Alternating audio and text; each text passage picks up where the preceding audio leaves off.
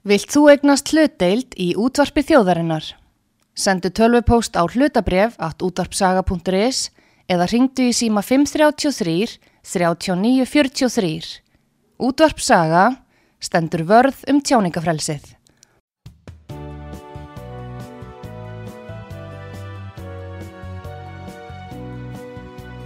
Sýteðis útvarpið á útvarpi sögu í umsjón Pétur Skunlökssonar.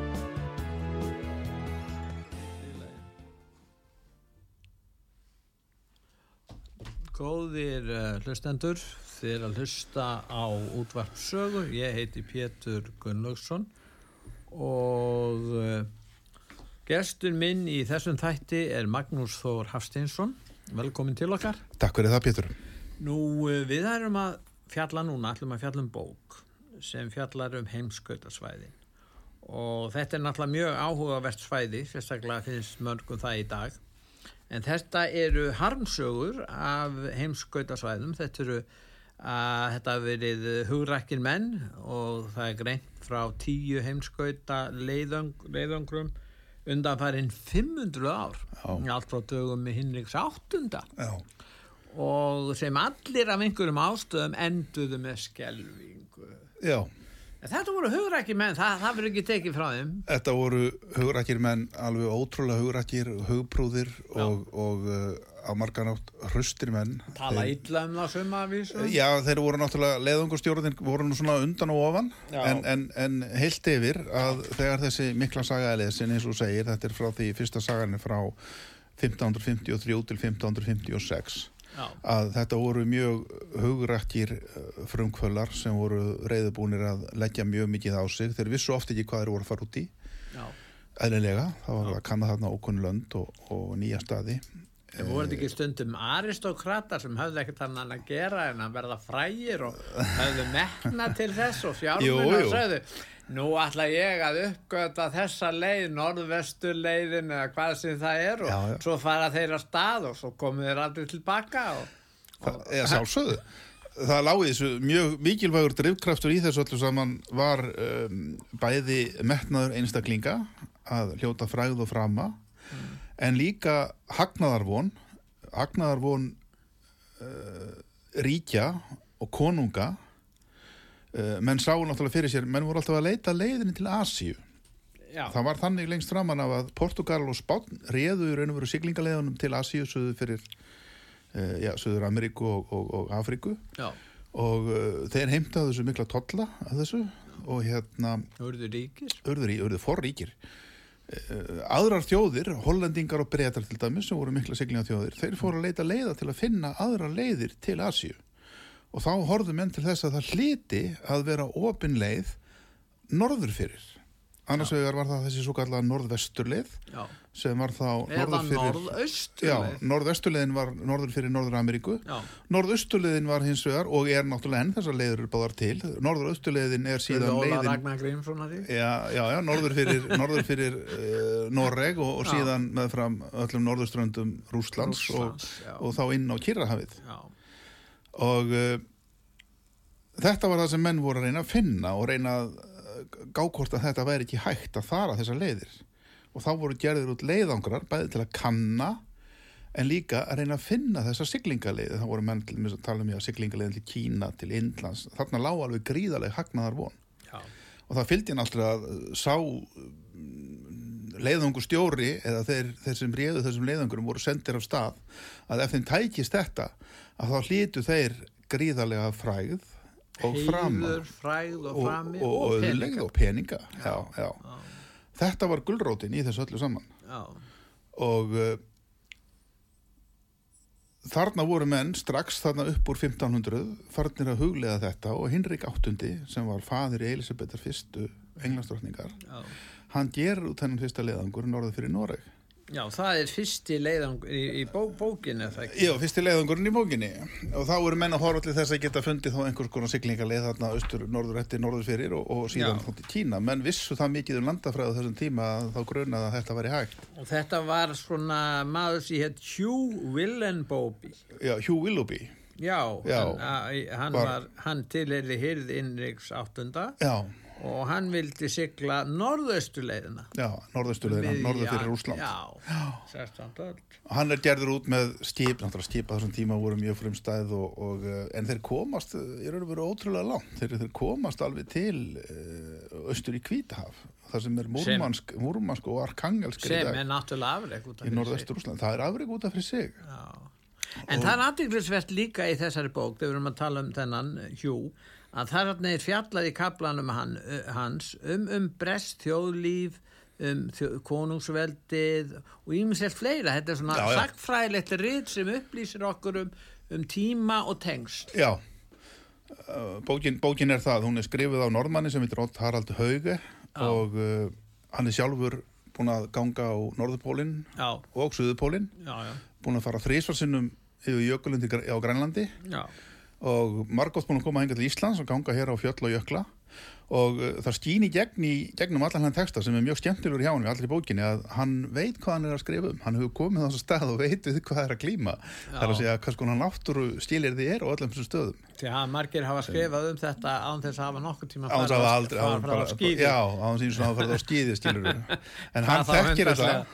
og, og hann lýsir þessu öllu saman mjög vel. Og hann fer yfir þetta allt saman eins og segir. Hann lýsir ofta tíðum sko þjóðfélagslegum stílirðum kringum alla þessa menn. Já, Og- sem er og- mjög skemmtilegt já, hann setur þetta í samhengi, Já, starra samhengi. að fella þetta inn Já. í frásögnina af heimskauð já, hver var pólitíkin á bakvið allt þetta vesen? Já, hver var skýningin á því? Þarna, oft var þetta menn sem hafði orðið undir í lífinu en reistu upp sko, reyndu gera tilraun til þess að reisa upp mannor sitt og, og frama vonir þó að það hefði nú kannski ekki gengið Já, eftir. þetta voru í sumum atriðum sko kannski ungir menn sem áttu kannski ekki mikla möguleika vegna þess að þeir voru til dæmis ekki á aðalsættum Eða ef þau voru aðsættum þá voru þið þriðji, fjórði í þriði leiðinni fjóruði sonur fengi- í erðaröðinni og þannig að þeir þeir að eru gera eitthvað sko. til að, til að koma sér koma undir sér fótunum Já. það, það, það var svolítið svoleiðis Já. og þannig er það í raun og veru með já, við getum sagt já, það má eiginlega segja um alla þessa menn í, í fyrstu,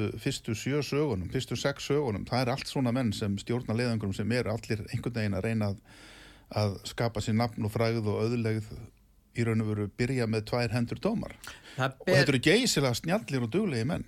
En það er líka allir sverð, það eru, þetta eru í mörgum tilfellum brettar þetta eru í mörgum tilfellum og það eru brettar sem að eh, sækjast eftir því að bæði á sérstaklega þegar við komið var á, á fram á, á 19. öld og 18. og 19. öld þá var þetta náttúrulega hluti af þeirri stefnu bretta að vera númer eitt í öllu. Já, já, það var ekkert öðru vísi nei, nei, halda stöðu sinni sem leiðandi heimsveldi.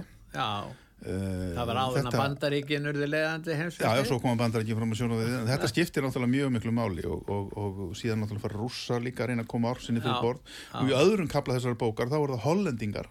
Já, Willem Barents sem Barents hafið heitir eftir það er lók, það er í lók uh, 16. aldar. Já, að þá fyrir hann í þrjá leiðangra. Þá voru hollendingar sem senda hann hollenskir kaupmenn já, til að reyna að finna þessa norðustu leið reyna, reyna aftur að fara sömu leið og þessi Willoughby gerði já, norður fyrir Noreg og síðan austur á bógin til að reyna að komast til Kína.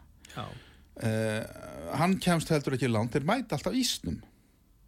Já. og það kom þeim svolítið á óvart voruð menn hrættir við nei, ísinn? nei, það, ég, það, ísinn var náttúrulega við verðum aðtúa það og við verðum alltaf að skoða þessa sögur sko, og reyna að setja okkur í þeirra spór hvað vissu þeir? Mm, í hvers konar heimsmynd lifðu þeir? Við getum ekki setið með alla þá vittnensju sem við höfum í dag nei, og dæmt það út frá því.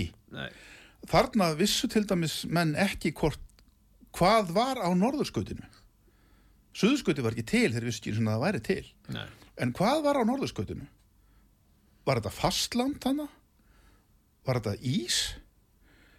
Leiðandi vísnamenn þessum tíma þessu, nei það er engin ís á norðurskautinu. Það er bara ís, krans þannig kring, en síðan þegar þú kemur norðar að þá stýn sólinn, það er allan sólarhengin og af því skapast svo mikið hiti að það er alveg af og frá að það sé ís þarna. Þarna er bara opið haf. Já. Já, kannski meginland já, fullt af einhverju sem auðaðum sem engin nokk og, framandi menningum og, bara reynið ímyndingur hvað getur leynst þarna. En við verðum einhvern veginn að reyna að komast gegnum þennan ís, þennan ískrans sem er hann í kring. Þetta var eina af þeim kenningum sem menn trúðu.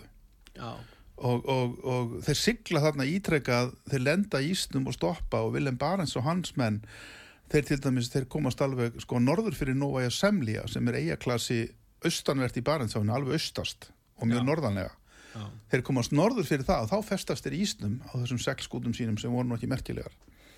Og neyðast til að hafa vetursetu þarna. Og um þetta eru mjög góðar heimildir vegna þess að það var maður í þessum hópi sem skrifaði bók um niðangurinn og svo bók hefur varðvist og hann lýsir því mjög nákvæmlega hvernig þegar vist er þarna um veturinn í eilífu myrkri það eru íspyrnir og jafnvel eh, önnur dýr, rostungar og þess áttar þetta er allt saman mjög erfitt en, en þeir hafa það af og þeir komast aftur tilbaka úr þessu sumarið eftir. Já. en Willem Barents hann deyr á leiðinni. Hann, hann var orðin þá aðfram komin af duðlafullum sjúkdóm sem var skýrbjúr Já, og þeir vissi ekki að það vantaði C-vitamin. Nei, menn vissu ekki um skýrbjúin til dæmis það var eitt af þeir sem þeir vissu ekki og það var alltaf svo Þeir duðlafullt voru með hvað með sítrónu. Þeir reyndu, já, en það var yfirleitt lélegt þeir voru líka með hérna greipaldinsafa, breytarnir Já. notuðu það mikið Þeir með nota í gen í dag, er ekki Já, læm. læm, þessum við breytaður oft kallaði læmeis af hérna Já. bandarækjumönum þeir voru alltaf að drekka læm til að Já, vinna, já. brestir, brestir sjómenn til að hann fór oft setja gin og tonic og lime líka. Já, já. já en, en það var einmitt þetta, C-vitaminskorturinn hann fór oft mjög illa með þá í myrkrinu og menn dóu yfirleitt, menn lifði ekki af veturna. Og, og, og hérna svo annað með þennan barensleðangur og það er það að, að öldum síðar að þá finnst bústæður þeirra á Nóa eða Semlía. Já. hafði varðvist í 300 ár. Það eru með merkar minjar sem eru skilið eftir þar sem eru til í dag og eru safni í Amsterdam í, í Hollandi Hann er frægur af Willem Barents, hann að heilt- Barentshafið. hann fikk heilt naf nefnt eftir sér nefnt eftir sér þannig að hann lifi nú heldur betur í sögunni Já, hann gerir Hann það. tókst Og hann að- fann, hann í raun og veru ætlað að finna hérna Svalbarða. Nei, hann er þekktur fyrir að bara. Já, þeir finna, hann þekktur fyrir, já, þá má segja það, þeir að finna, finna Svalbarða og kanna vesturströnd Svalbarða. Já, Já, einmitt sjókort, eða kort sem hollendinga teknuð þessum tíma og það er Svalbarði teknaðar inn. Mjög merkilegt kort. normenn fjalla vola mikið um. Svalbarða bæði sjónvarp og annars. Já, þeir eru vola uppteknir alls. Það er að reyna að eignast Svalbarða, þeir eru að reyna að slá eignarhaldi, á Svalbarða. já, Þeir eru að reyna að láta lítið út fyrir að þeir eigi Svalbarða, Já, sem bara kjafta þið. Þeir eiga ekkert Svalbarða. Nei, en þeir, þetta er eins og segir, þeir, þeir gera mjög... Þeir tala alltaf um Svalbarða sem hluta konungsríkinu Nóri og allt þetta, en, en þetta er bara Já, þeir hafa verið að reysa þarna einhver, Já, já. einhver, einhver uh, reysi þarna og... mikil mannvirki og, og Já, hérna, þeir, eru með, þeir eru með mikla gerfinættastöð þarna og, og ímyndilegt annað en, en, en, en hvað um það? Nú þriðja sagan, það er Það Jens Munk Já, það er Dani, altså. hann er, hann er, hann er, hann er fættur í Noregi En, en, en, já, en var hann ekki talin Gekk- heimskauta Noregur farin var og þá, Dana? jú, hann var, hann var Noregur var hann undir Danmörku Já, eins og Ísland hann má segja það. hann sko. gengur í þjónustu Danakonungs Já, og Jens Munk, það er minn maður í þessari bók nú, segðu okkur af hverju. það er bara því að hann er, hann er bara hetja hann er bara, það er alveg stórkostlegu karakter hann, hann, hann hérna ratar í því líka ævintýri sem ungur uh, skipherra í þjónustu Dana konungs Já, hann fyrir á kvalveðar já, og reynir sér fyrir sér því í norð norðurslóðum já, og síðan dettur hann í huga að fara að reyna að finna þessa norð, það, það er norðvestuleiðin að fara norður fyrir norður Ameríku já. og, Hann hefur verið að veiða kvali alls og... Já, hann fréttir af þessu öllu sem hann hjá til dæmis bre- breskir kvalviðmenn og, Já. og, og, og sem hollenskir voru að og veiða sem voru að kannski- norður frá, Já, milli, norður- milli Kanada og Grænlands Grænlands, já. Baffinsflóa sem kallað er og Já. það, en, en, en uh, Jens, hann er gerður út af Kristjáni Kvart, Kristjáni Fjórða Dana konungi og konungi yfir Íslandi. Sem var nú frægur kall mjög frægur, Gekk vel á tímabili en, en ekki skildi Danmörk eftir í rúst. Rúst, já, hann má segja það. Að Ísla, Danmörk var smári Já. var, hann, það, það er dæmi um stórveldi sem verður að já, já, já, já, Jens Munk var, var í þessu umhverju Jens, hann fer ætlar að finna norðvestuleðina, ætlar að fara norður fyrir Ameríku. Og það er eins og áður að menn vita raun og vera ekkert hvað þeir eru að fara út í. Nei, gera sér enga grein fyrir því. Nei. Og uh, hann fer með uh, tvö skip. Og uh, þeir sigla hann norður eftir og sko leiðin norður fyrir Norður Ameríku hún er raun og vera miklu flóknar og erfiðari heldur en leiðin norður fyrir Rússland. Já, þarna eru ótal sund og eigjar og þetta er bara völundarhús. Já, en þeir vita það ekkert. Nei. Það veit ég hugmynd um það. Þeir sigla hann og sigla inn í Hudsonflóa í Kanada. Já, já, og þá eru þeir eiginlega sko komnir í gildru. Þeir leggja af stað allt og seint um sumarið. Stórt svæði. Það er gríðarið svæði og, og hérna það enda náttúrulega með því að þeir frjósa inni. Þeir eru mjög illa útbúnir, illa með föt og matvæli og annað en þeir frjósa þarna fastir. Já. uh, koma skipurum ótrúlega vel fyrir raunavöru sem sýnir það að Jöns Munk var alveg frábær sjómaður. Úrraða góðu maður. já, úrraða góð frábær sjómaður en þarna veturinn, þarna deyja allir nema þrýr og einn þeirra sem lifa er alveg hræðilega hormongar þessi líst í bókinni. Þessi líka líst í annari bók sem er æfisa Jens Munk sem hefur komið út á íslensku eftir danska reythöfundin Torkil Hansen. Já. Magnús Kjartansson þýtti þá bók það er eina mínu Magnús uppáhalds það er eina mínu Sem mikil algjöru stórkosli þýðing eina Já. mínu algjöru uppáhaldsbókum. Menningarsjóðu gaf þessa bók út á sínum tíma og ég hef lesið hann oft. Og, og ég held mikið upp á hana. En, en hérna Jens er eitt þeirra þryggja sem lifa af og þessi menn er í alveg sko, þeir eru, þeir eru miklu nær dauða heldur en nokkuð tíma lífi þegar voruð loksins kemur. Þegar sól fyrir að hækka lofti og það fyrir að En koma hvað svona voru gróður. margir? Þeir eru þrýr sem þrýr, En hvað margir dóa? já, allir það ekki verið hátt í hundra manns. Já, já. þeir bara vestluðust upp um veturinn á Skirbjú og, og, og, hérna, og kulda á Vosbúð. Og, og uh, en Jens og tveir manna hans, þeir eru þrýr sem lifa af. Og þeim tekst að koma öðru skipinu á flót, minna skipinu þetta er alveg ótrúlegt. Og og siglaði yfir Allandsafið frá Hvernig Hödsonflóa bát? Opin bát? Op, já, eða opið bátur, hann hefur kannski ekki verið meira svona, hann se- hann segir það í bókinni kannski 20, 30, 30, 20 metra langur hjá kannski, lítil, lítil sexskúta, já, lítil knarr. Já. þessir menn í þessu ástandi þeir sigla þessu skipi yfir allt, norður Allandsaf Sem sanna það að vikingarnar hafa geta já, já, þeir gera það heldur betur.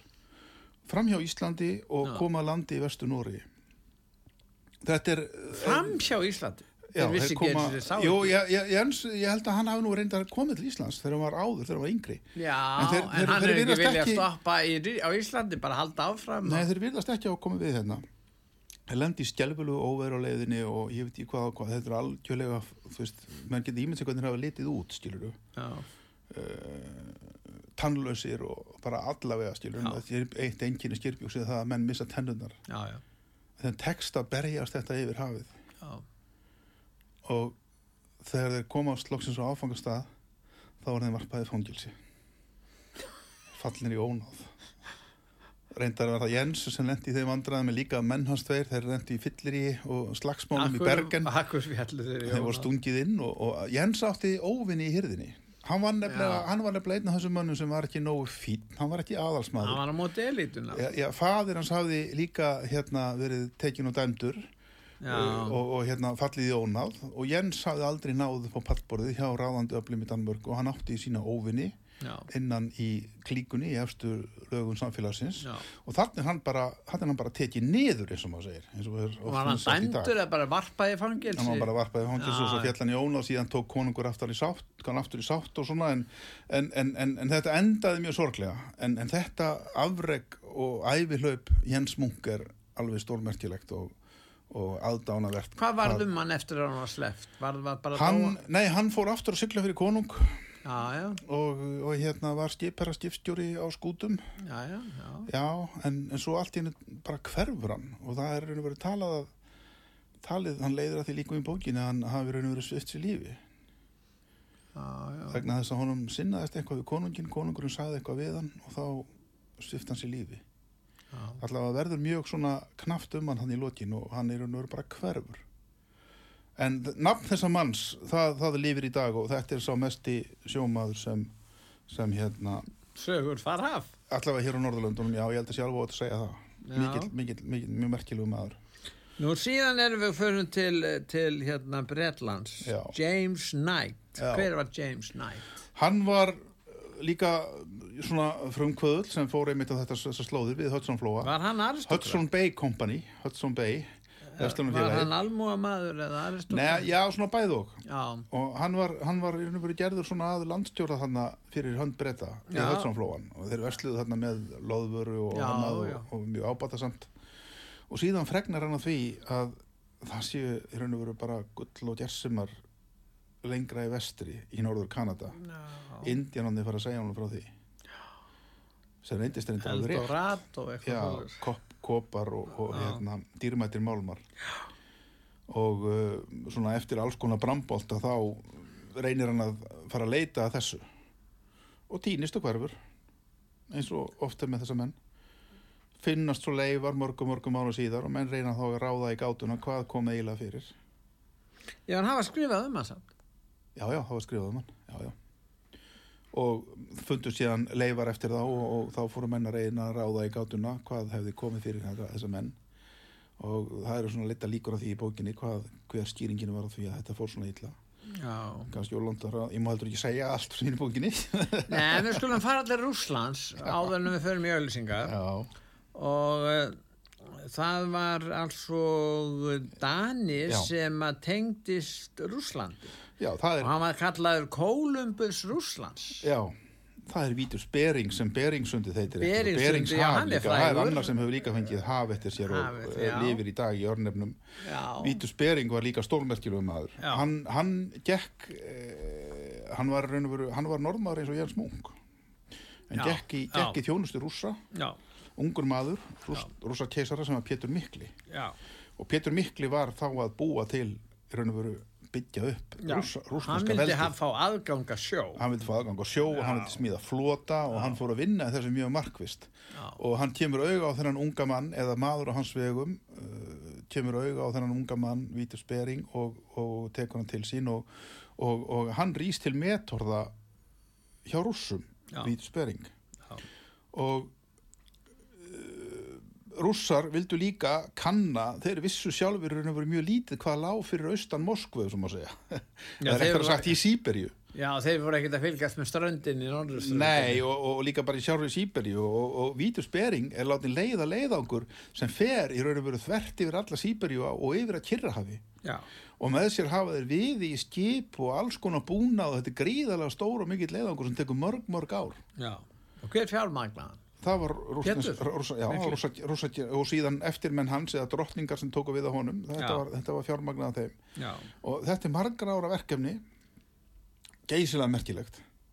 Já. Þeir fara þarna austur, landleiðina, yfir fljót og ár og gegnum skóa og fjöll og, og bara nefndu, nefndu það. Þeir, þeir, þeir vinna bug á öllum þessum erfileikum, komast austur á Kamsjatka og þá eru þeir komin að Kyrrahafinu. Já, já. Og þá liggur beinast við að, að smíða skip svo mann getur nú fara að sigla og kanna þetta svæði og jafnvel finna leið, Já, siglingaleiðir til- Norðurleiðina. norðurleiðina og þeir sigla þarna um og skoða sig um og, og, og hérna eh, þannig um norðanverð Kýrahafið finna vesturströnda bandaríkjana, Ameríku Alaska Alúta eigarnar og Beringsundið sem er náttúrulega svona ingangurinn inn að norður Ísafinu Sem að rússar áttu Alaska lengi. Já, rússar áttu Alaska lengi eftir þetta 19. seldu það síðan bandaríkjamanum Fyrir 6 miljón dólar. Og þetta er, þetta er líka mjög, mjög merkileg saga. Vítur Spering, hann, hann uh, var yfir þessu öllu saman, en hann týndi lífið við þetta. Þetta kostaði hann lífið. Það er andiklisvert varðandi þessa menn að það eru skrifað bækur um margar eins og margar bækur skrifað um Vítul Spering á Já, 20. það var náttúrulega og fjöldi ef hann kemur fram vísindamanna- hérna þessi, þessi, þessi skrifabókin Ott Harald Háke hann er að benda á hver margar bækur hafi verið skrifaðar um þessa menn Já, það er öðrum þræði vegna þess að, að það voru vísindamenn með í för. Já, Það voru dýrafræðingar, það voru grasafræðingar og, og alls konar fræðingar. Já, því að þeir áttu náttúrulega að kortleggja Kort, Já, þeir voru að konungur og heisarinn vildi náttúrulega fá að vita sko hvað er þarna til dæmis á náttúruöðlindum Já, og hvað, hvernig, kortleggja landsvæði Já, sem að hann hvort ekki að stjórnaði. landsvæði, er þetta fært, er þetta ég- fara þarna um, er þetta að nýta þetta, Já. er þetta að koma þarna um byggðum, landnema byggðum og svo framvís og framvís, Já, já. það var alltaf þetta sem menn voru að hugsa á öðrum þræði.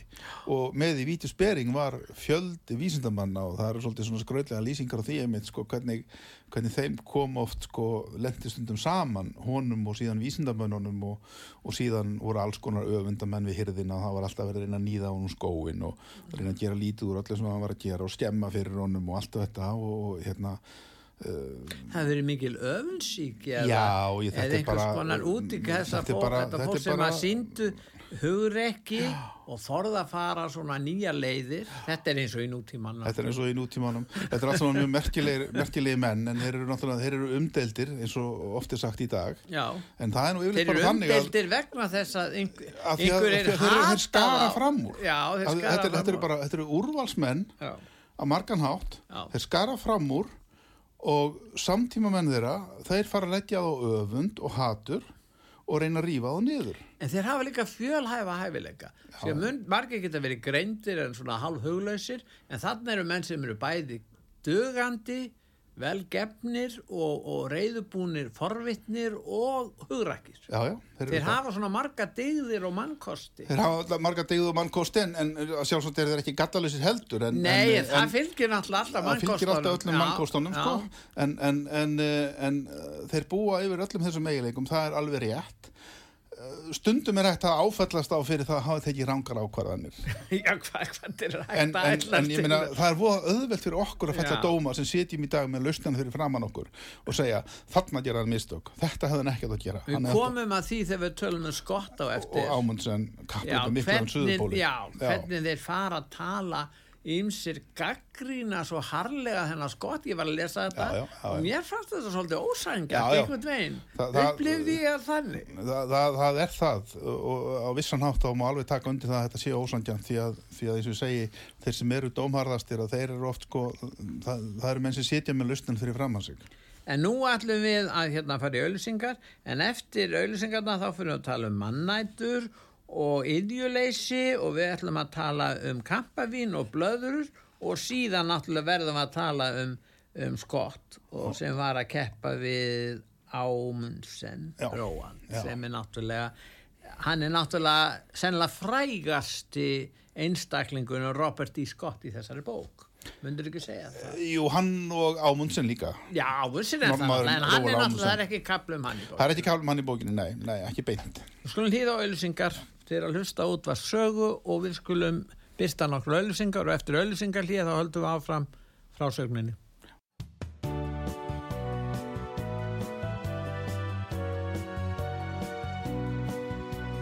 Síðdeðis útvarpið á útvarpi sögu í umsjón Pétur Skunlökssonar.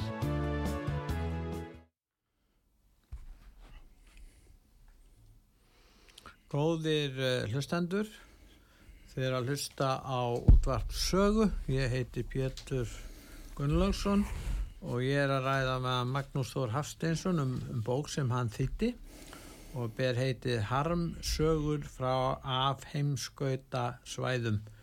Nú, Magnús, við vorum búin að greina frá fimm kablum í þessari bók og uh, það var hérna einn kabli sem fjallaði um sem ber heitið Mannætur á Eyju Vilhjáms konungs. Já, og það er Franklin leið, leiðangur það er stór kabli um þetta í bókinu já. Þetta er leiðangur breyta þar sem þeir ætla að reyna að finna siglingaleðina aftur eða reyna að finna, já, siglingaleðina norður fyrir Norður Ameríku fara sömu leið og Jens Munk hafði farið. Eh, koma austan að og, og, og, og, og sigla inn eh, og reyna að fara finna þessa leið norður fyrir Norður Ameríku John Franklin var maður sem var nú orðin fullorðin þegar þetta var. Hann var eh, 50 og Martin töldan jafnvel og gamlan til að fara í svona háskaför. Hann hafði átt feril sem sjólisfóringi meðal annars barist með Nelson flótafóringja verið landstjóri í Tasmaníu já, hjá Ástralíu haft þar meðal annars kynni af jörundu hundadagakonungi já, já. hann í þennan leiðangur og vill endilega verða leiðangurstjóri ennmitt til að afla sér fræðar og frama. Og hann er gerður út með tvö skip. Þeir sigla frá Lundunum og inn í sundið milli Grænlands og Kanada. Og uh, síðan sást ekkert meira til þeirra. Þeir bara hurfu og uh, það var mikið gert til að það hafði mikið verið lagt í hennar leiðangur af hálfu berskara stjórnvaldu og það var mikið gert til að reyna að finna þá. Uh, en uh, og þetta þótti mjög, mjög dulafullt alveg með óleikindum að tvö stór vel útbúin herskip breska flótans gætu horfið með manni og mús og síðan eftir því sem tími líður að þá fara að raðast saman sannanir um það hvað hefði gerst. Og það sem gerist er það að þeir lenda í því eins og margir aðra, þeir festast í ísnum. Ísaðstæðunar eru bara miklu, miklu verri heldur en okkur það getið ímynda sér. Og þessar, þessar, þessi siglingalegi norður fyrir Ameríku, hún er miklu erfiðari. Þannig eru mikil sund og eigjar og þetta er bara völundarhús og erfitt að rata þannum, en þeir festast í ísnum og uh, það sem gerðist var reynverið það að þeir yfirgáða skipin og ætlu þá reyna að komast fótgangandi söðurabógin yfir tundruna í norður Kanada og uh, til að finna hjálp reynlega til að bjargast, bjarga lífinu. Uh, en það gengur ekki mjög vel, það gengur hendar bara alveg stjálfilega og uh, margt sem bendir til að, að þeir hafi öðrum þræði þjáðust af blíeitrun sem gerir menn hálf klikkaða uh, fer með domgreindina og, og uh, þessi blíeitrun hafi borist í matin hjá þeim í gegnum niðursöðudósir sem höfðu verið innsiklaða með blíi og uh,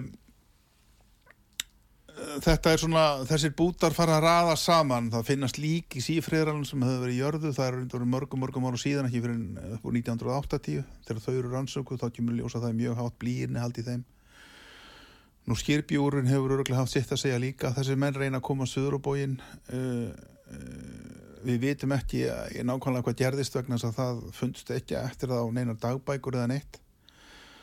Uh, reyndar höfðar varðveist en, en börn inúíta sem höfðu fundið leifar eftir leiðangurinn þau komast í þessar bækur og eðilöðu þar því miður en, en uh, út frá ímsum sannunagögnum líkamsleifum og öðru þessáttar beinum sem hafa fundist og þessáttar að þá hefur komið í ljós að þeir reyndu að komast söðurubóin, ganga söðurubóin sem var raun og verið vittlust áttir hefði átt að fara norður. Já. því að þar hefði verið meiri von til að fá hjálp vegna þess að það voru sendt skip einmitt uh, til að leita þeirra. Og ef þeir hefðu farið norður þá hefðu sennilega, sennilega þessi skip fundið á en þeir fóru söður og gengu þá inn í óbyðinar og uh, urðu uh, já, náttúrunni að bráð. Þeir reyndu allt hvað þeir gáttu til að lifa þessi menn. Og að lokum var það þannig að þeir og það er sannanir fyrir því það hefur sérst að beinaleifum að þeir lögðust í mannátt Já. þeir fóru að geta lík látina félaga sína eða hvernig sem það var.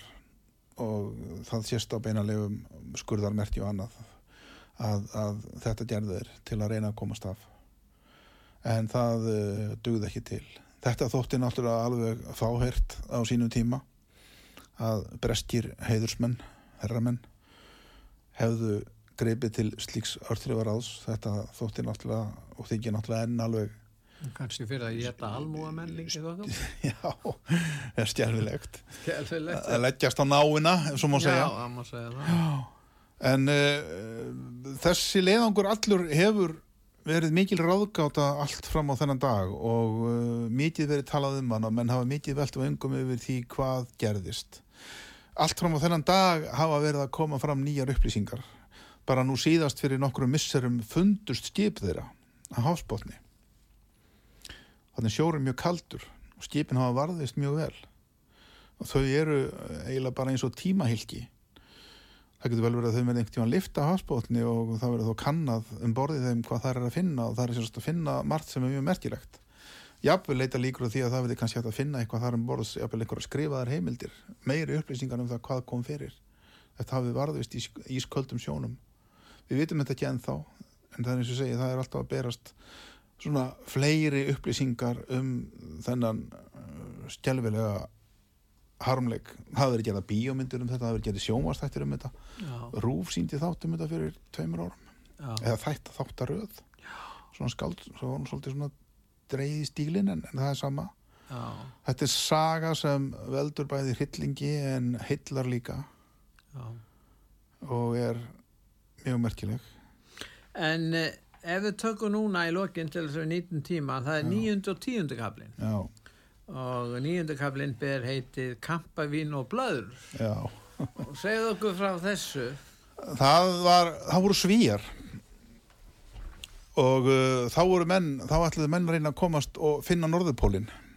Það var líka eitt af því sem uh, þótti mjög mikilvægt að gera, það var að finna norðurpólinn og komast að raunum það hvað lá þarna norður frá, hvað var þarna norður frá. Var þetta ís eða var þetta fast land eða var þetta opið haf eða hvernig var það og það er sænskur verkfræðingur sem hafði stundar loftbelgjaflug André að nafni sem fekk það hugmynd að fljúa með loftbelg. Þetta er uh, í lók uh, 19. aldar.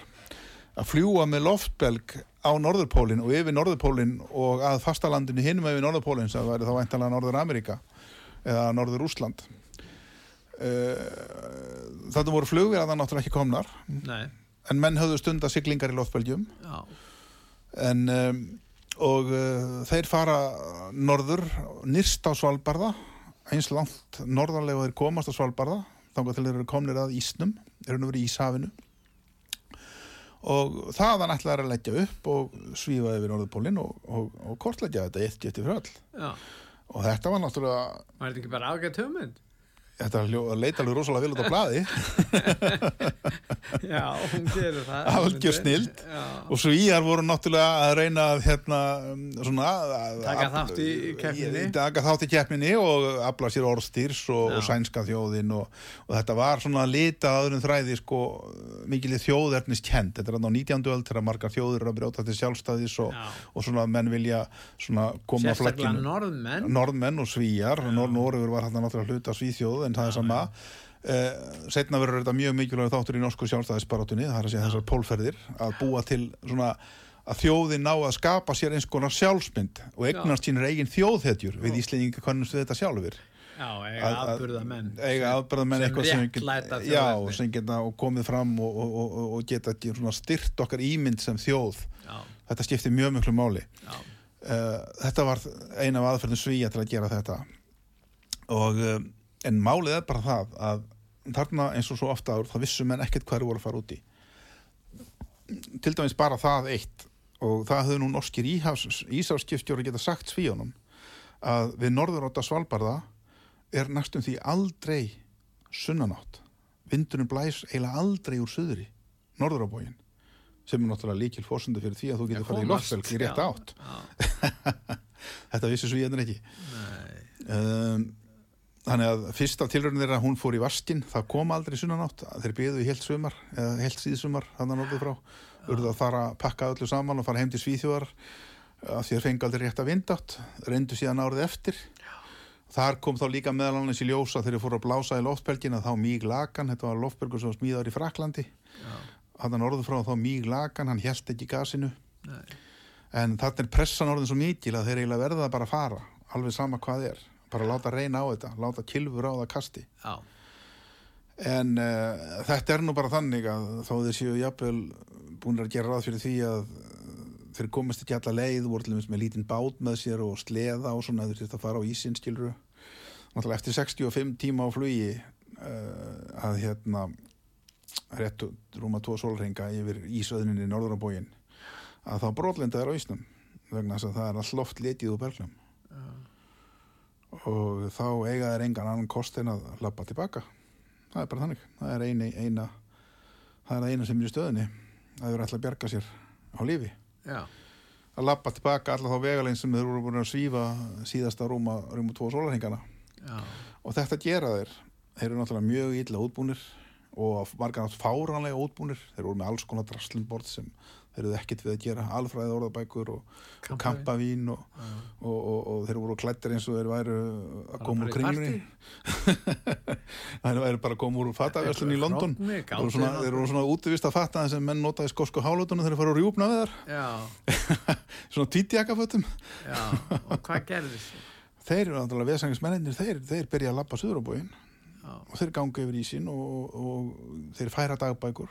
Já, og þetta er náttúrulega óbúslega erfitt því að þetta er ekkit flatur ís Nei. þetta eru íshryggir og það eru vakir inn á milli og hálfblöytur þetta er seint um sömarið Já. þegar bráðunin er í hámarki þeir eru kaldir og votir og, og þetta er bara mjög erfitt og, og, en þeir komast loks, þeir sjá loks eitthvað sem fyrst virðist vera borgarísjaki en kemur síðan í ljósa er land og þetta er svo eðilegast í staðin sem hægt er að finna í öllum heiminum þetta er eiga sem heitir Kvítei sem er austasta eiga Svalbardæja klassans langt norður í hafi næstu í norður á 80.000 breytagráðu það er eiginlega aldrei hægt að komast þar í land út af bremi Nei. og það er raun og verið fellur ís sko skriðjöklar í sjó fram allt í kringum eiguna, það er smá fjara síðst á eiginni og fyrir kraftaverk þá komast þeir þar í land. Já. en þremur sólaringu síðan eru þeir allir látnir Já, þeir hafa ekkert geta gert. Já, það eru, þeir áttu, hefðu kannski átt að eiga möguleika að komast af en þeir voru allir látnir og það hefur síðan, allar góttu síðan þá verið mikið, hvernig gáttu þeir að komast af og þessari já, Var þeir voru náttúrulega með gáttu veitt til matar. Já, já. Friðþjófi Nansen, norski heimsköldafarinn og félagi hans Hjálmar Jóhansen, þeir lifðu af heilan vetur á Frans Jósefsland ekki langt þarna í frá með því reynlega bara að grafa sér, koma sér upp litli jarðhísi og, og svo lágu þeir þar bara allan veturinn og, og lifðu bara kjöti, sel og rostungum og íspjörnum lifðu það af en þeir, hefðu en vandamálið var bara það að það, þetta var svo mikill eðistæður að þarna fer aldrei neitt í land.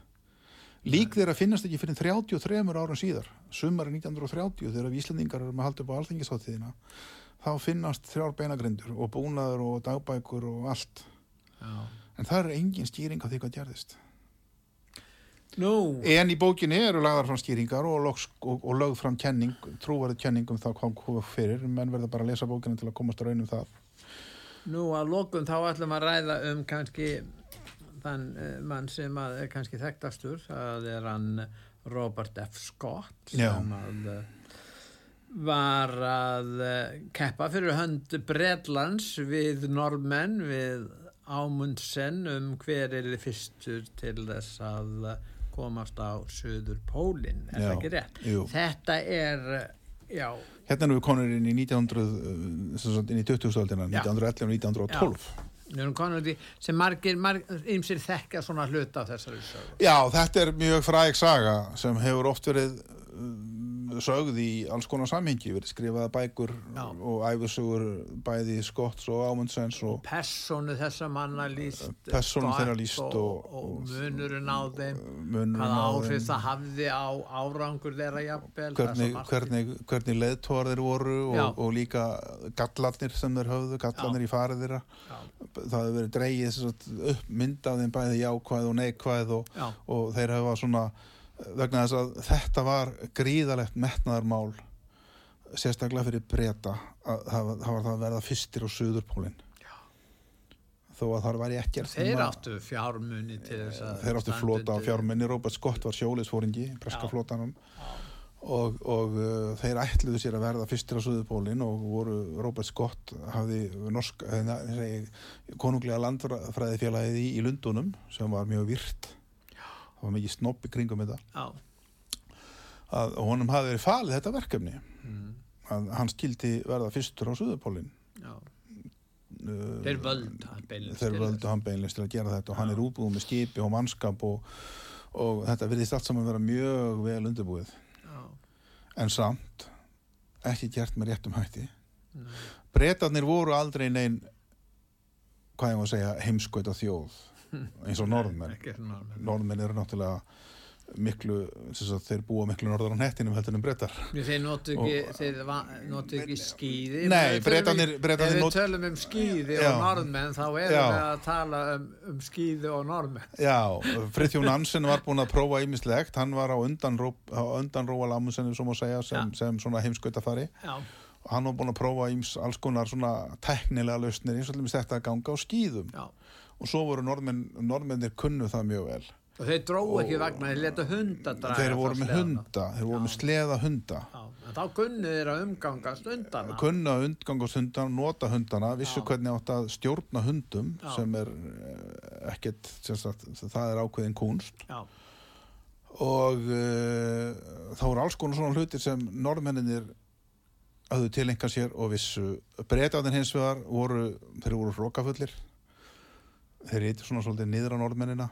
Þeir voru heimsvalda sinna. þeir voru heimsvalda sinnar þeir voru fremsta þjóð í heimi og, og, og þeir voru herramenn. Já, þeir voru herramenn og, og hérna og, og töldu sig raun og verið ekki þurfa mikið á svona ráðum að halda. Norðmenninni reynda að ráðja þeim notiði nú hunda og reyniði nú að læra á skíði ganga á skíðum. Breytaði tóku eiginlega ekkert marka á þessu. Þeir vildu freka bara draga sleðana sjálfur með eigin líkasafli eru líka að nota hesta, smáhesta já, já, svona svipað á íslenski hestanir já, íslensku hestana. Og svo voru þeir líka að vandræðast með uh, svona beltavélar, svona traktora á beltum. Já, já, skott ætlaði að nota það líka. Það fór, fór allt í handaskólum, meira og minna. Já, og þetta enda með því að, að Róal Amundsen hafði upphaflega sagt að hann ætlaði að uh, reyna að komast á Norðupólinn hafði farið til Frithjóð Nánsins og fengið hjá hann skipið fram Já. að láni. Hann lustaði ráðleggingar hann, Nansen let hann fá skipið. Nansen hafði raun og verið sjálfur hugsað sér að verða fyrstur til að fara á Suðupólinn en hann mátti aldrei vera að því að hann var á kafi í alls konar svona pólitík og vesinni sko. hann hann, hann, hann hafði verið að vinna í Úkrænu hann var, Já. hann var, nú setna reynda hann var setna, var setna en hann var þarna þessum tíma þá var hann sendi herra Normanna í Lundunum já, hann mátti eiginlega ekkert vera að þessu þannig að Ámundsen tekur svolítið við kjaflinu og þegar Ámundsen er laður á staði þegar hann ætlaði að Norðurpólsliðangur að þá e, tekur hann allt í einu stefnuna söður þá veit hann að skott er á leiðinni söður og ætlar að reyna að komast á Suðurpólinn Ámundsen tekur það ákvörðun með sínum nánustu starfsfólksmönnum að hann skuli, hann ætla að reyna þetta líka og keppaði breytan á sama tíma og verða undan þeim. Og, eh, og þannig að hann siglir til Suðurskauðslandsins og þeir hittast á Suðurskauðslandinu og menn reyna nú svona að bera sig mannalega og, og taka þessu svona breytanir svona eins og herramenn er sem að segja sko þannig að sé nú bara komið samkeppni og allt það en, kallaði eru raun og veru alveg brjálæðir sko. Þetta er, þetta, þeim finnst þetta mjög ósvífið að normennunum að vera að tróðast svona, reyna að tróðast fram fyrir sig. Já, og illa gert. Og uh, þarna verður til ákveðin svona biskja og síðan hefst þetta kapplöp á Suðupólinn sem að vakti aðtikli Já, já, þetta vakti mjög miklu aðtegli þetta, þetta, var, þetta var sérstaklega ekki síst setna mér þegar að menn gerir sér grein fyrir hver niðurstanna þessu varð. Já, En þarna æða normenninni Suðurabóin með hundasleðana sína og skýðum. Bretarnir eru að basla við að reyna að fara þetta fótgangandi sjálfur sagt, með sleðana í eftirdregi og uh, það náttúrulega kemur í ljós að, að þetta reiknistæmi sem er í raun og veru sko, snýst mikið um það sko, hvað kostar það mikla orku að komast á Suðupólinn og aftur tilbaka. Já, og þú þarft að hafa mat þú þarft að eiga innegn fyrir þessu þú þarft að eiga nógu mikið af segja á leiðinni til þess að hafa orku í að gera þetta.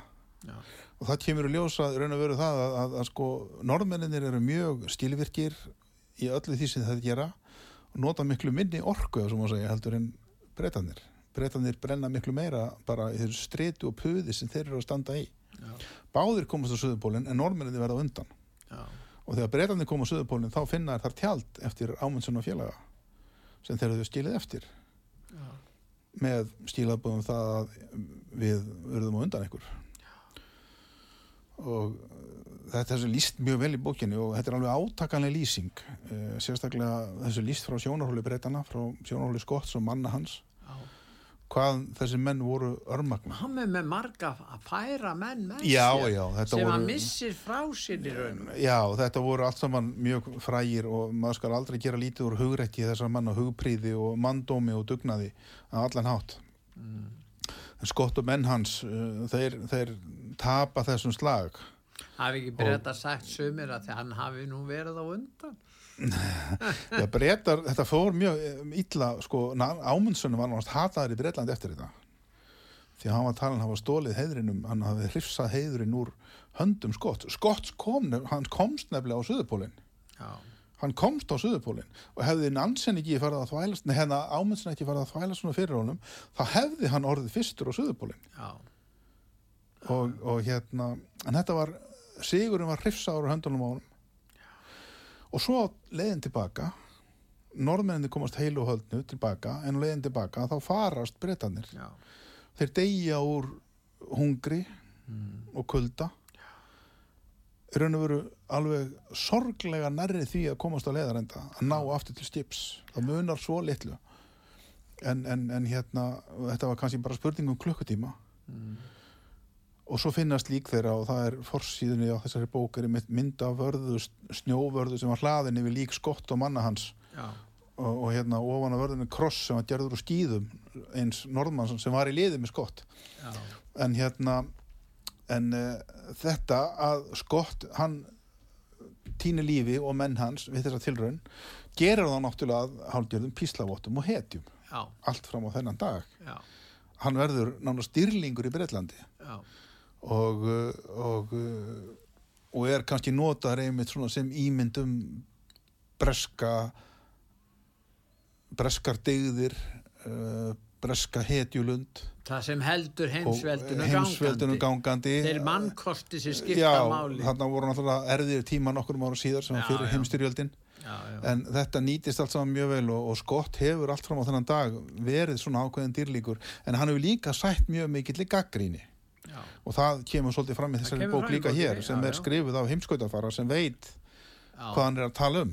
Hann gaggrinir hann fyrir það að hafi ekki nýtt sér þá þekkingu sem hann gæti aflað sér varðandi hundana Já, og stóð honum til boða. já, Þetta stóð honum allt til boða. já, það var ekki, sko, normennin voru ekki að reyna að halda þessu frá breytum, Nei. alls ekki, sko. Þeir vildu, þeir gáðu þeim þessi ráð. Það var einhvers konar vannræksla og sem að stafa eða fóka Já, dramb, hróki, eins og stendur inn á bókinni fórsíðinni, hetjuskapur, dramb og dauði. Þetta, þetta þrennt helst oft í hendur í þessum heimskautaleðangrum já, og uh, þannig, þannig, en þessu er mjög, mjög vel líst þeim í þessum, þessum, í þessum síðasta kapla og, og, og svo bendur hann hér í lók bókarinn á alls konar, eða svona efni sem hann hefur notað við að semja þetta.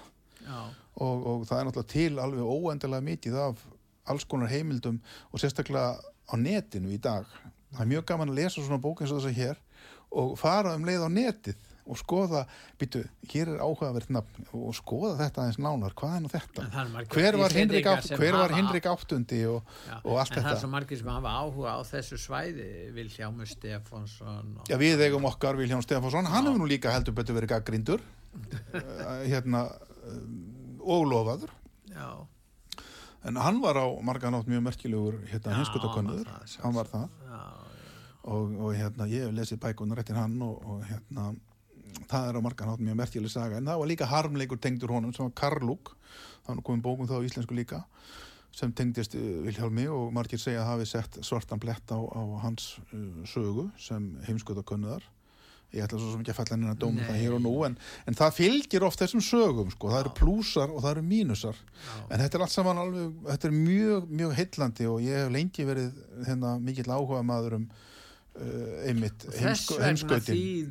bók. svona þýði þessa bók. Ég skrifaði líka á sínum tíma bók sem heitir uh, þar sem heiminn frýs við jörð já, Íslendingar á heimskauðslóðum Kanada sem uh, var íslenskur heimskautaleðangur sem var farin uh, ég held að verið 2006 held ég eitthvað Já. þess. fóru þeir á fjórum jeppum, fimm Íslendingar eða svona breyttum pallbílum já, fimm Íslendingar um norðurslóðu Kanada og mikið um, um þessar svipaða slóðir og, og, og Franklin, Franklin og, og, ætlaði sér að ætlaði sér að komast yfir og, og, og, og, hérna, og fóru næstu því á svipaða slóðir og Jens Munk hafði verið á. Þeir Já. voru þarna á norðurslóðum Kanada á þessum bílum. Ómar Freyþjónsson, Karl Rústsson og Kristján Kristjánsson og Haldur Sveinsson og Freyþjófur Helgason ljósmyndari var með. Já, svo gerðum við líka um þetta heimildakveikmynd sem var sínda rúf já, og uh, svo hef ég líka sjálfur silt um þessi svæði um þessi svalbarða og, komið og séð þetta og, og þegar maður hefur komið þessu svæði þá fær maður, þetta er margir sem fá þetta, þetta er kallað heimskautabakterían þetta er svona einhvers konar bakteríja sem þú færð, þú verður alveg hellaðar á þessum svæðum og, og hérna og svo hefur maður náttúrulega lesið mikið um þetta gegnum tíðina alls konar frásagnir, æfisögur og fleira og þetta er náttúrulega stórmerkilegi menn og bara þeir sem eru skildastur okkur Íslendingum eru náttúrulega Frithjón Nansen eða Frithjór Nansen og, og svo Rúal Ámundsen Nú ætluðu Ímis ríki að, að sko kanna norðurslóðina og við þekkjum framtak fórsita Íslands fyrir verandi. Núna eru rússatinn komnir út úr þessu, út af Úkrænustríðinu Mhm. og uh, hvernig, hvernig spáur þú um þetta? Hvað, Sko, hvað gerist? Ef að rússatnir verða svona ekki e, í náðinni á Vesturlöndum næstu 20 árin? Eða Já. hvernig sem þetta verður, við vitum ekki hvernig þetta þróast. Nei, sko, þetta er, þetta er sko, mér hefur oft þótt, sko, of mikið verið gert úr þessum möguleikum á því að stunda siglingar á þessum svæðum. Já, Þau eru loku nánast allt árið. Það er rétt, rétt seint, seint sumrin sem kannski er einhver möguleiki að sigla. En til dæmis að sigla norður fyrir bandaríkin, það er bara mjög erfið siglingalið. þetta er algjört völundarhús, þannig er oft mikið grunnsæfi já, það er mikil hætt á því að það verði þannig slis að menn strandi já, og þannig eru engin innviðir það eru engar hafnir þarna, engin aðstæða til skipaviðgerð eða nokkur skapaða hlutur. Og, og mun sjálfst aldrei verða hreinlega út af veðuraðstæðum þetta er svo afskjækt þetta var of mikið bjarsinni sem að tengast. Já, það, það hefur oft verið þannig sko, menn hafa svona verið að blása þetta út en, en það er, mér finnst ekki verið innistæða fyrir þessu, Nei, bara út af þessum náttúrulega aðstæðum. Uh, þetta er norðvestuleiðin, síðan er það norðaustuleiðin, norður fyrir Rússland. já, Þar er kannski svona svipað upp á teningnum að þetta er erfið siglingaleið, hún er ekki opinn nema rétt seint á haustin, eða seint á sumrin og haustin. já, Nú við höfum nýtt okkur þetta við Íslandingar að fara þessa leið. Kristján Lofsson, snillingur, já, hann hérna sendi kvalkjöt þessa leið fyrir nokkrum árum til Japan. En þetta er háð því að menn séu í náðinni hjá rússum vegna þess að rússa ráði yfir þessari siglingarleið þeir eru meira sem herstöðvar á Já, já, þeir hafa verið að styrkja sér í sessi þarna og, allt í lagi með það, ég meina þetta er náttúrulega þeirra land. Já, já, og, þeirra hafsvæði, en þeir ráða þessari siglingarleið alfarið og til að komast þessa leið þá þarftu hjálp frá uh, rússneskum ísbrjótum og rússneskum lóðsum og, og öllu því sem því fylgir. Kannski og það fari gegnum rússneska stjórnkerfið. vilja semja eða vilja semja frið að það vilja hlutast í að opna fyrir þetta? Já, kannski, en þá er það bara þetta sko, þú veist, eru pólitísku samskiptin við rússa bara ekki komin niður á það frostmarkað Já. slík samvinna verði óframkvæmaleg í nánustu framtíð. Rússar nota þessa siglingarleið sjálfur til að flytja gas frá Sýberíu, vesturubóin, já, fljótandi gas í stórum tankskipum, þeir eru byrjar að nota þessa leið. En, en, en eins og segja með aðrar þjóðir að uh, verða ekki einmitt svona, hvað ég var að segja, verður ekki pólitíska flækjustíði það mikið að, að það verði tónt mál að tala um þetta. Ég, svo sem, ætla ekki að dæma um það en, en, en þetta lítur ekkit voðalega vel út. Nei. En svo er náttúrulega annað sem er á þessum slóðum og það er að menn eru að tala um það að það sé hægt að vinna þarna. Það er eiginlega engin fiskur á þessum slóðum í Ísafinu, það er bara tómt kjáftæði uh, en uh, það er að tala um málma og annað þess áttar en þá kemur á móti jáfnvel ólju og gas.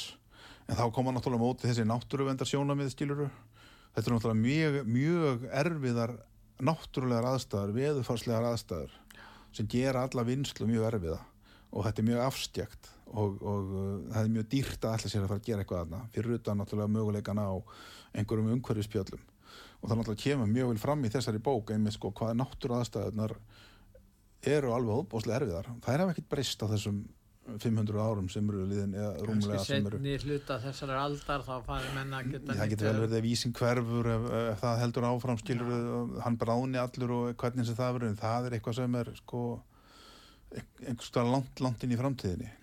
E, og við vitum í raun og verið ekki dum nú, við erum að ljúka þessu. Ég þakka þið fyrir Magnús að koma til okkar. Já, ég þakka bara kærlega, bók. kærlega fyrir mig. Þetta er eina af þreymur bókum sem ég þýði fyrir þessi jól. Já, ég hef búin að tala um tvær. Bruce Springsteen og Já, Kúpudel ég talaði að ég sko um, um, Þetta eru 1500 blaðsíður prentaðar Ég er með 2500 blaðsíður prentaðar á þessu ári. Fimm titla. Já, Takk. til hamingi með það Takk fyrir það. Og ég þakka hlustendum út að sögu fyrir að hlusta. Takk fyrir mig.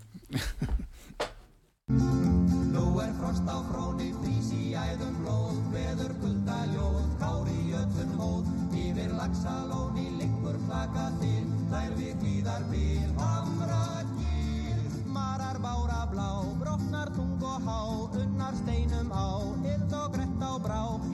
yfir afla þjóni, æðra skipstjórin, harmar hlutin sinn, á sér bíl.